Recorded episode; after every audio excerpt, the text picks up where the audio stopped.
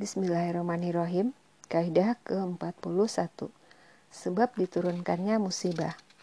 Dan musibah apa pun yang menimpa kamu karena perbuatan tanganmu sendiri dan Allah memaafkan banyak dari kesalahan-kesalahanmu. Quran Asyura ayat 30. Ini adalah kaidah Al-Quran yang berpengaruh pada keimanan dan pendidikan bagi orang-orang yang mau merenunginya dan menghayatinya. Kaidah ini banyak diulang di dalam Al-Quran dengan redaksi yang mirip, sebagaimana maknanya juga berulang-ulang lebih dari satu tempat.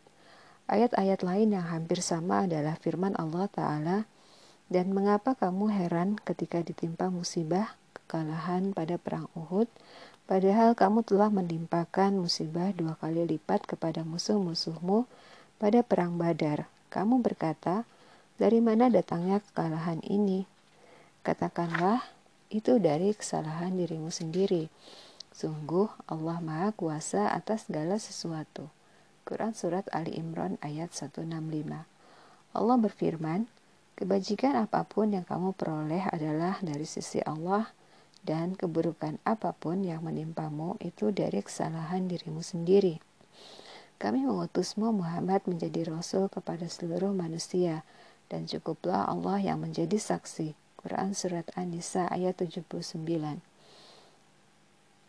Allah berfirman, dan agar mereka tidak mengatakan ketika azab menimpa mereka disebabkan apa yang mereka kerjakan, Ya Tuhan kami, mengapa Engkau tidak mengutus seorang Rasul kepada kami, agar kami mengikuti ayat-ayat Engkau, dan termasuk orang mukmin. Quran Surat Al-Qasas ayat 47 Adapun ayat-ayat yang mengandung makna kaidah di atas maka sangat banyak sekali.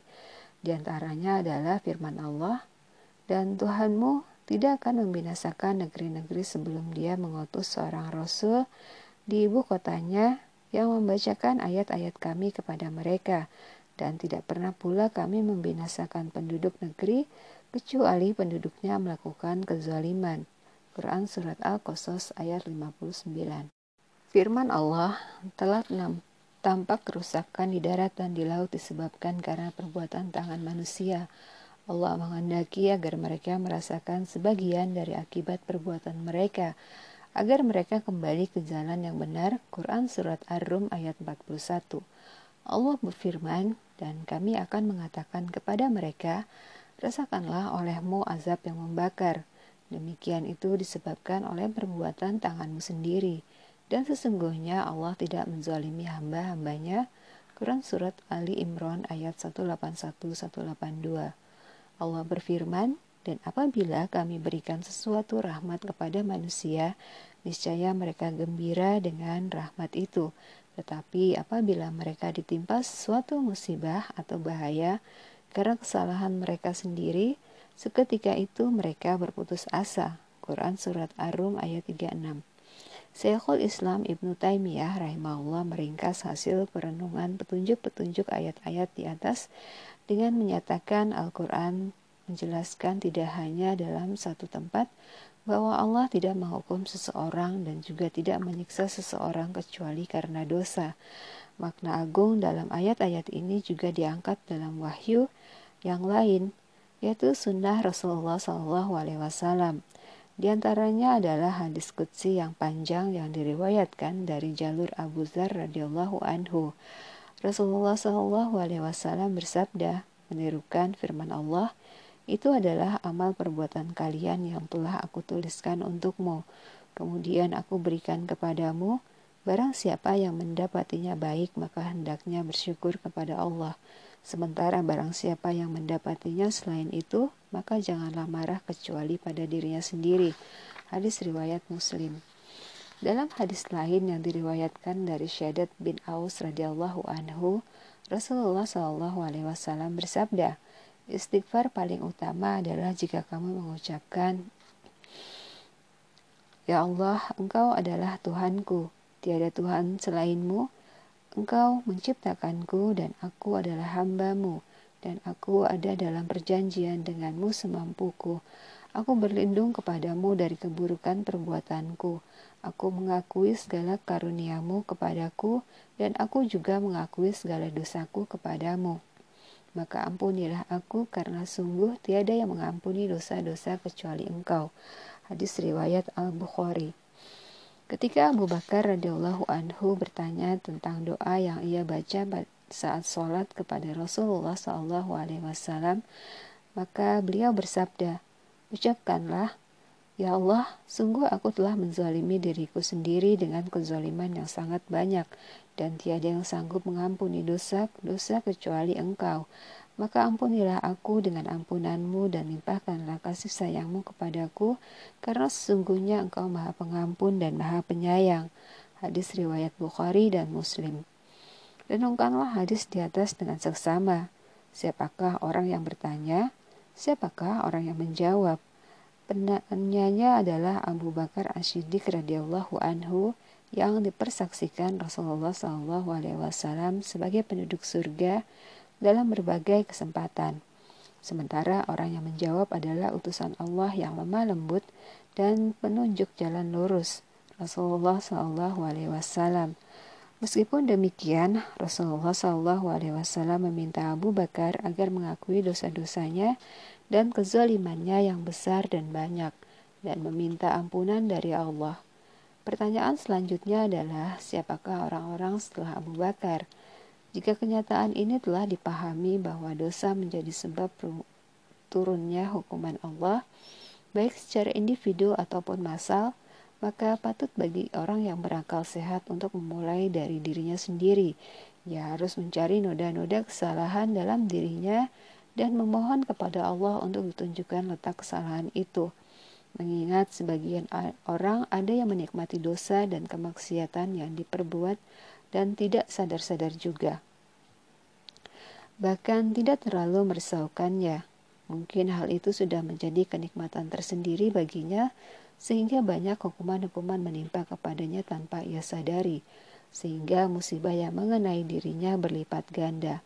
Syekhul Islam Ibnu Taimiyah rahimahullah berkata tentang hal-hal yang dapat meneguhkan hati seseorang dan menolongnya memperoleh derajat yang tinggi dalam agama, ia harus mengintrospeksi dosa-dosa yang dilakukannya karena terkadang Allah melimpahkan orang untuk menguasainya sebab dosa-dosanya.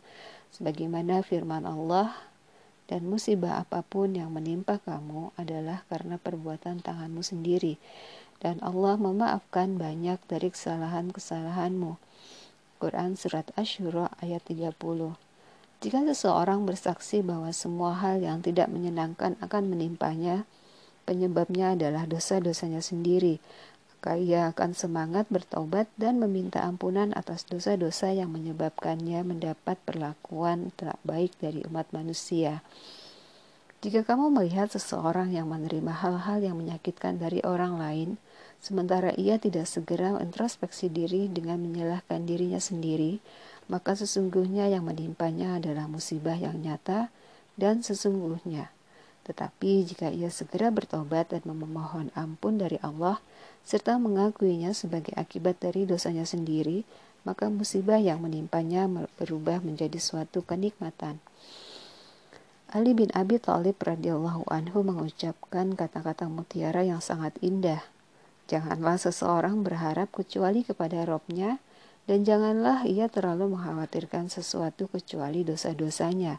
Diriwayatkan dari Ali dan sahabat lainnya. Tidak ada musibah yang menimpa kecuali sebab dosa dan tidak ada yang sanggup menghilangkannya kecuali dengan cara bertobat. Muridnya, Ilmu Qayyim rahimahullah mengatakan saat menjelaskan petunjuk-petunjuk dalam kaidah di atas, Adakah keburukan dan musibah di dunia dan di akhirat yang penyebabnya selain dosa-dosa dan kemaksiatan-kemaksiatan? Apa yang menyebabkan kedua orang kita, Adam dan Hawa, keluar dari surga? Hunian yang penuh dengan kenikmatan dan kebahagiaan menuju kepada hunian yang penuh dengan hal-hal menyakitkan, kesedihan, dan kegalauan. Apa yang menyebabkan iblis keluar dari kerajaan langit? Ia diusir, dilaknat, kondisi fisik dan jiwanya disalin. Fisiknya sangat menyeramkan dan sangat buruk, sementara jiwanya sangat menjijikan dan busuk. Kedekatannya dengan Allah diganti dengan kejauhan. Kasih sayang kepadanya diganti dengan laknat. Fisik dan jiwanya dirubah menyeramkan. Surga yang dihuni diganti dengan api yang menyala. Keimanannya diganti dengan kekufuran. Makhluk yang asalnya dikasihi menjadi makhluk yang paling dihujat dan dimusuhi.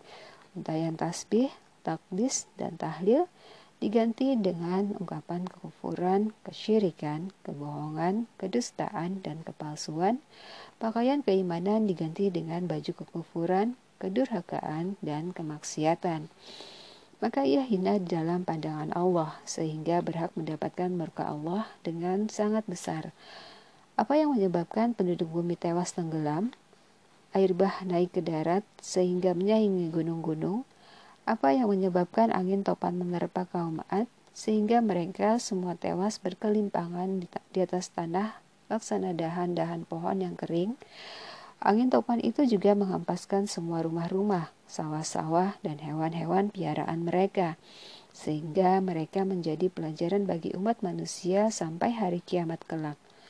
Apa yang menyebabkan datangnya suara menggelegar yang menyambar kaum Samud, sehingga jantung-jantung dalam tubuh mereka copot lalu tewas menggenaskan. Apa yang menyebabkan bumi yang dihuni kaum Lut diterbangkan, sehingga yang atas berposisi di bawah. Maka Allah menghancurkan mereka semua. Kemudian mereka dihujani dengan batu-batu langit, sehingga tiada suatu umat yang menerima hukuman dari Allah yang lebih dahsyat daripada yang mereka alami. Sungguh hal ini tidak jauh dari orang-orang yang berbuat kezaliman. Apa yang menyebabkan kaum Nabi Shu'aib ditimpa awan pan, awan siksaan laksana payung besar? Ketika awan itu tepat berada di atas kepala mereka, maka turunlah hujan api yang menyala-nyala. Apa yang menyebabkan Fir'aun dan pengikutnya ditenggelamkan di dasar sungai Nil? Kemudian roh-roh mereka dipindahkan ke dalam neraka jahanam. Jasad-jasad mereka terombang-ambing di sungai, tetapi roh-roh mereka dibakar dengan api neraka. Apa yang menyebabkan Korun, gudang-gudangnya, harta bendanya yang melimpah, dan juga keluarganya ditenggelamkan ke dalam bumi? Apa pula yang menyebabkan penduduk bumi setelah Nabi Nuh diluluh lantahkan dengan berbagai macam siksaan dan hukuman? Imam Ahmad bin Hambal rahimahullah berkata, Al-Walid bin Muslim telah memberitahukan kepada kami. Syafwan bin Umar telah memberitahukan kepada kami. Abdurrahman bin Zubair bin Nufair telah memberitahukan kepadaku. Dari ayahnya Zubair bin Nufair, ia berkata, Ketika kota Siprus ditaklukkan, maka penduduknya dibagi menjadi dua bagian. Mereka pun saling menangis. Sementara aku melihat Abu Ad-Darda menyendiri sambil menangis terseduh. Aku lantas berkata, Wahai Abu Darda, apa yang membuatmu menangis di saat Allah memuliakan Islam dan pemeluknya? Abu Ad-Darda menjawab, Wahai Zubair, sungguh hina para manusia itu di hadapan Allah saat mereka tidak menghiraukan perintah-perintahnya.